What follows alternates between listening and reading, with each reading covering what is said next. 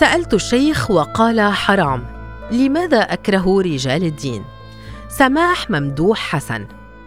عندما قرأت رواية كل الطرق تؤدي إلى الجلجلة لجيروم كلابكا جيروم وجدت أن حال البطلة جون في الصغر تماما كحالي في نفس المرحلة العمرية. فكلانا لم نسمع عن الله إلا من رجال الدين. لم يبلغونا عنه سوى أنه سيعذبنا في الدنيا إن لم نطعه وسيلقينا في نار جهنم في الآخرة وأن كل ما نحبه في الحياة حرام. ولذا كانت لدى كلتانا في الصغر نظرة إلى الله على أنه شرير ما خلق البشر إلا ليعذبهم في الدنيا بإجبارهم على كل ما يكرهون وفي الآخرة بحرقهم في النار. وعلى هذا النحو يخرب رجال الدين العلاقة بين العباد وربهم. طوال حياتي وأنا أصرخ بجملة أنا أكره الشيوخ. قديما كنت أسرها لنفسي الآن أقولها علانية في كل وقت وحين وها هي أسبابي. بدأت رحلة كراهيتي للشيوخ من المدرسة الابتدائية. عندما كان أحدهم يعلمنا لا بل يصر على أن نحفظ أننا ما نؤدي الأعمال الصالحة إلا وصولا للجنة في الآخرة. ولما لم أكن مقتنعة رغم أني حينها لم أكن أمتلك من الحصيلة اللغوية ما أعبر به عن عدم اقتناعي إلا جملة بس إحنا كده حنبقى منافقين؟ وهي الجملة التي أجبت بها المعلم الشيخ لما طرح علي السؤال لينهال بعدها على يدي بعشر عصايات. في المرحلة الإعدادية وبعدها الثانوية تفاقم الوضع عندما درست مادة الفقه الإسلامي وكان حينها يدرس بمسائل سادت حياة الناس منذ أكثر من 1400 عام خلت وبمعلمين لم يطبع على وجوههم إلا التجهم. في الحقيقة لم نكن نفهم حتى ربع الألفاظ التي ندرس بها تلك المسائل أصلاً. حتى جاء الوقت لدراسة فصل المواريث وعندها كان ولا يزال يحبطني ويثير غيظي مسألة وراثة البنت نص الولد. سألت المعلمة وقتها وكانت هي الأخرى شيخة ترتدي الخمار ولا تترك السبح من يدها ولا النميمة على الآخرين ولم تقل تشددا وتجهما عن معلم الابتدائية. سألتها عن الحكمة التي تجعل الله يقسم هذه القسمة الضيز غير العادلة. وكانت إجابتها بعد الكثير من الاستغفار والتعوذ بالله من قولي لأن الرجل هو من يتحمل مسؤولية المرأة في شؤون الحياة المادية حيث أنه من يجهز البيت ويقوم بأمور الصرف لذا فهو الأحق بالنصيب الأكبر. فلما واجهتها بأن كثيرات يقومن بهذا الدور وأكثر يصرفن على الرجل والأولاد والوالدين إن وجدا لم ترد إلا بعد إحفظيها زي ما هي مكتوبة. وفي آخر اليوم أرسلتني لمكتب المدير شيخ المعهد وقد اجتمع لديه بقية الشيوخ وجلسوا يستجوبونني من الذي قال لك هذه الأفكار؟ هل أبوك وأمك يصليان؟ هل تقرؤون القرآن في البيت؟ طوال نصف ساعة لم أكن أعرف ماذا فعلت ليجتمع مجلس التكفير هذا ليحاسبني في النهاية أمروني بالاستغفار وعدم معاودة التفكير هكذا مرة أخرى فأمور الدين مقدسه تطاع دون نقاش.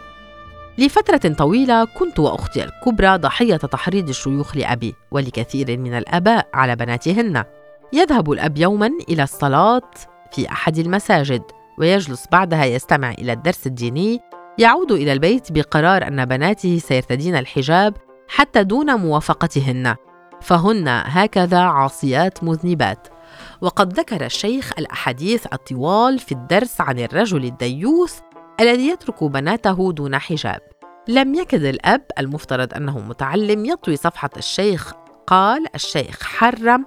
حتى ظهر شيخ جديد لكن هذه المرة يقول للأخ الكبير والذي كان في فترة المراهقة كيف تسمحون لإخواتكم بارتداء البنطلون أو يذهبن إلى الجامعات المختلطة؟ ومرة أخرى الكثير من الأحاديث عن لعنة النساء التي يتشبهن بالرجال والرجال التي يتشبهن بالنساء ولفترة طويلة تشاجرنا وتنازعنا على كل ما يحشو به الشيخ رأس الأخ الكبير من أفكار لا علاقة لها إلا بالبنات وهو ما زرع الخلاف بيننا كإخوة لوقت طويل. حتى الخال الذي بت أكره زيارته بعدما كنت أنتظرها لأني أعرف أنه بعدما يغادر سوف نتشاجر مع أمي وتصرخ في وجوهنا بأوامر غريبة. ذلك الخال الذي كان يترك شعره طويلا ويرتدي البنطلون الغريب شديد الاتساع من سيقانه ومحبوك الوسط والقميص الملون الضيق وفجأة بعدما تعرف على أحد المشايخ أطلق اللحية ارتدى الجلباب الأبيض القصير وقص شعره ولم يفوت مرة زارنا فيها إلا وحرض أمي بتكشيرة غاضبة دوما لمنعنا من ارتداء الملابس التي تغضب الله. وحتى يحرضها أكثر أقنعها أن الله سيعاقبها هي وليس نحن لأنها الراعي المسؤول عن رعيته. لكن الغريب أني لم أسمعه حتى مرة واحدة ينصحها أو ينصحنا بالصلاة مثلا. ومرة ثالثة وبينما لم يكد دور الأب والأخ ينتهي بفرض كل ما يأمر به الشيوخ على البنات فقط حتى جاء دور الأم. لم يمضي زمن طويل على تلك الصور التي كانت فيها أمي ترتدي الفساتين القصيرة وتخرج من دون حجاب. وفجأة بعدما أشرق العصر الذهبي لما يسمى شيوخ الفضائيات وتوسعت دائرة المشايخ ممن لم يكتفوا بدروس المساجد رجالي وحريمي اقتحموا علينا البيوت. وصارت القنوات الفضائية الدينية بما يبث فيها من غريب الأفكار عرضا مستمر للترهيب الديني. قناة الناس قناة تخدك إلى الجنة. كم كرهت هذه القناة ومن فيها؟ خاصة في ثوبها القديم قبل أن يحكم الأزهر إلى حد ما ما يبث فيها. قناة الناس هذه كانت من أقوى تلك القنوات وأوسعها انتشارا. القناة التي كانت تغير جلدها بحسب الهوي السياسي في الدولة. فلما انطلقت القناة في 2006 أواخر عهد مبارك كانت تجامل الحاكم وشلته وتتغنى بنغمة تحريم الخروج على الحاكم. لكن بعدما انفرد الإخوان بالحكم انفجرت حقيقتها المتطرفة لكنها لم تأتي إلا على أدمغتنا نحن أقصد البنات. استطاع أولئك المتنطعون القائمون عليها السيطرة على عقول الكثيرين ومن ضمنهم أمي التي لم تكف عن ترديد جملة الشيخ على قناة الناس قال حرام بابتسامات سمجة وأصوات تصدح منها النحنحة من متنطعين كمحمد حسان ومحمد حسين يعقوب بتاع أختاه وأبو إسحاق الحويني وحازم صلاح أبو إسماعيل. استطاعوا بث أفكار التحريم لكل شيء وحرموا علينا العيشة.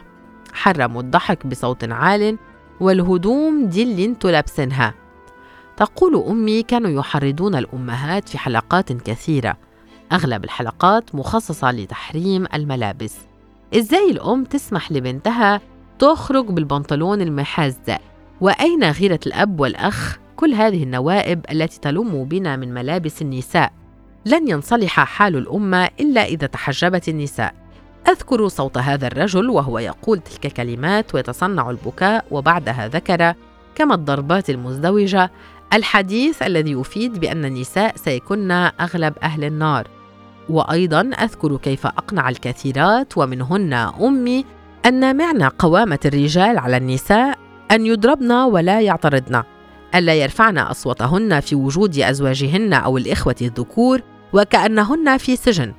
وظلت لوقت طويل تحاول إقناعي بتلك الأفكار لأن الشيخ قال كده ولا تزال أمي تحرم مشاهد البوس في الأفلام والمسلسلات لأن الشيخ قال كده ولا تزال تستغفر الله عندما تجد سيدة ترتدي فستانا مكشوفا وتقول هذا حرام لأن الشيخ قال كده تلون رجال الدين بحسب الزمان والمكان كالحرباء من أكثر الأسباب التي تدفعني لكرههم. فبعدما عفي الزمن على شيوخ الفضائيات في أزيائهم وأشكالهم التقليدية لحاهم الكثة جلابيبهم القصيرة ولغة وعظ الجاهلية وجدوا بأن المصلحة تقتضي اجتذاب أعمار أصغر ربما لأنهم الشريحة المستهلكة لكل ما يبيعونه من أفكار متطرفة. وعليه كان الأمر يقتضي ظهور نسخة جديدة للشيخ بائع الدين فبدأت تظهر أشكال جديدة. الشيخ العصري بلحية قصيرة جدا وبنطلون جينز يتكلم الإنجليزية ويعقد ندواته في الجامعة الأمريكية وفي النهاية النتيجة واحدة.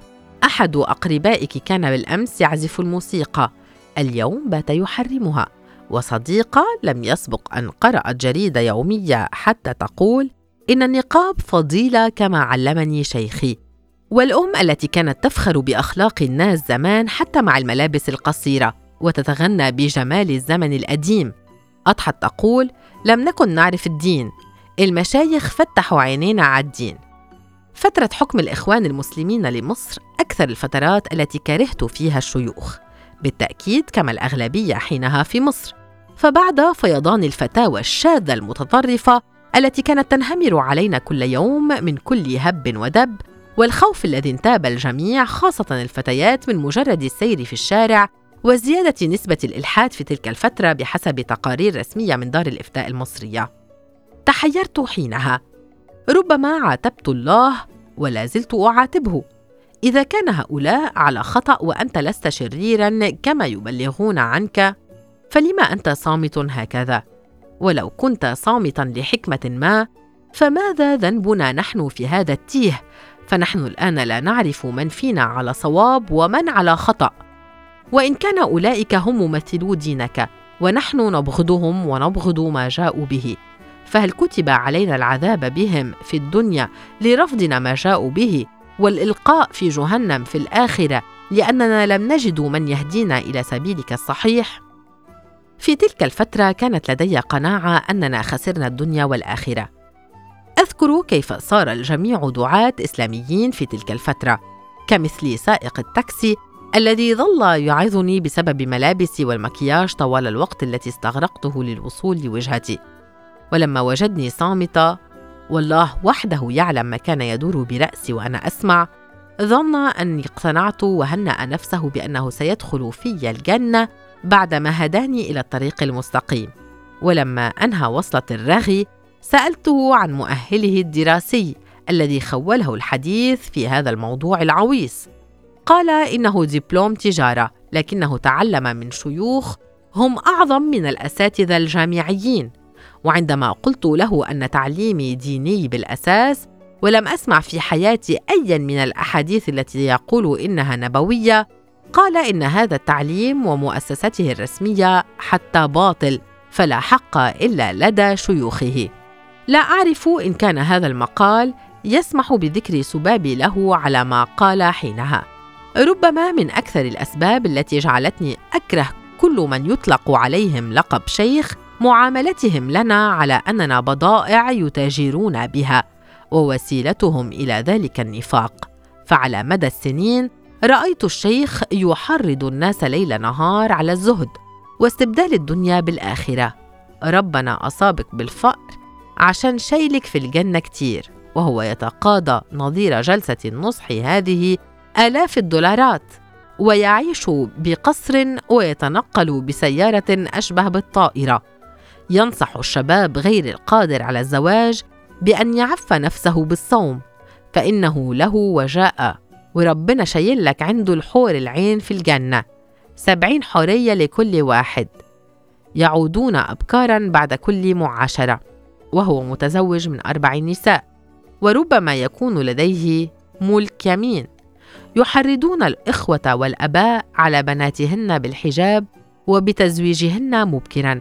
وحرمانهن من التعليم والعمل منعا للاختلاط الذي يؤدي إلى المهالك وفي الوقت عينه لا يجرؤون على تحريض أو نصح لمشغلينهم الأثرياء الذين يقبلون أيادي زوجاتهم غير المحجبات ممن يرتدين الفساتين العارية. كان النفاق هذا سيد الموقف وربما سيستمر طويلا.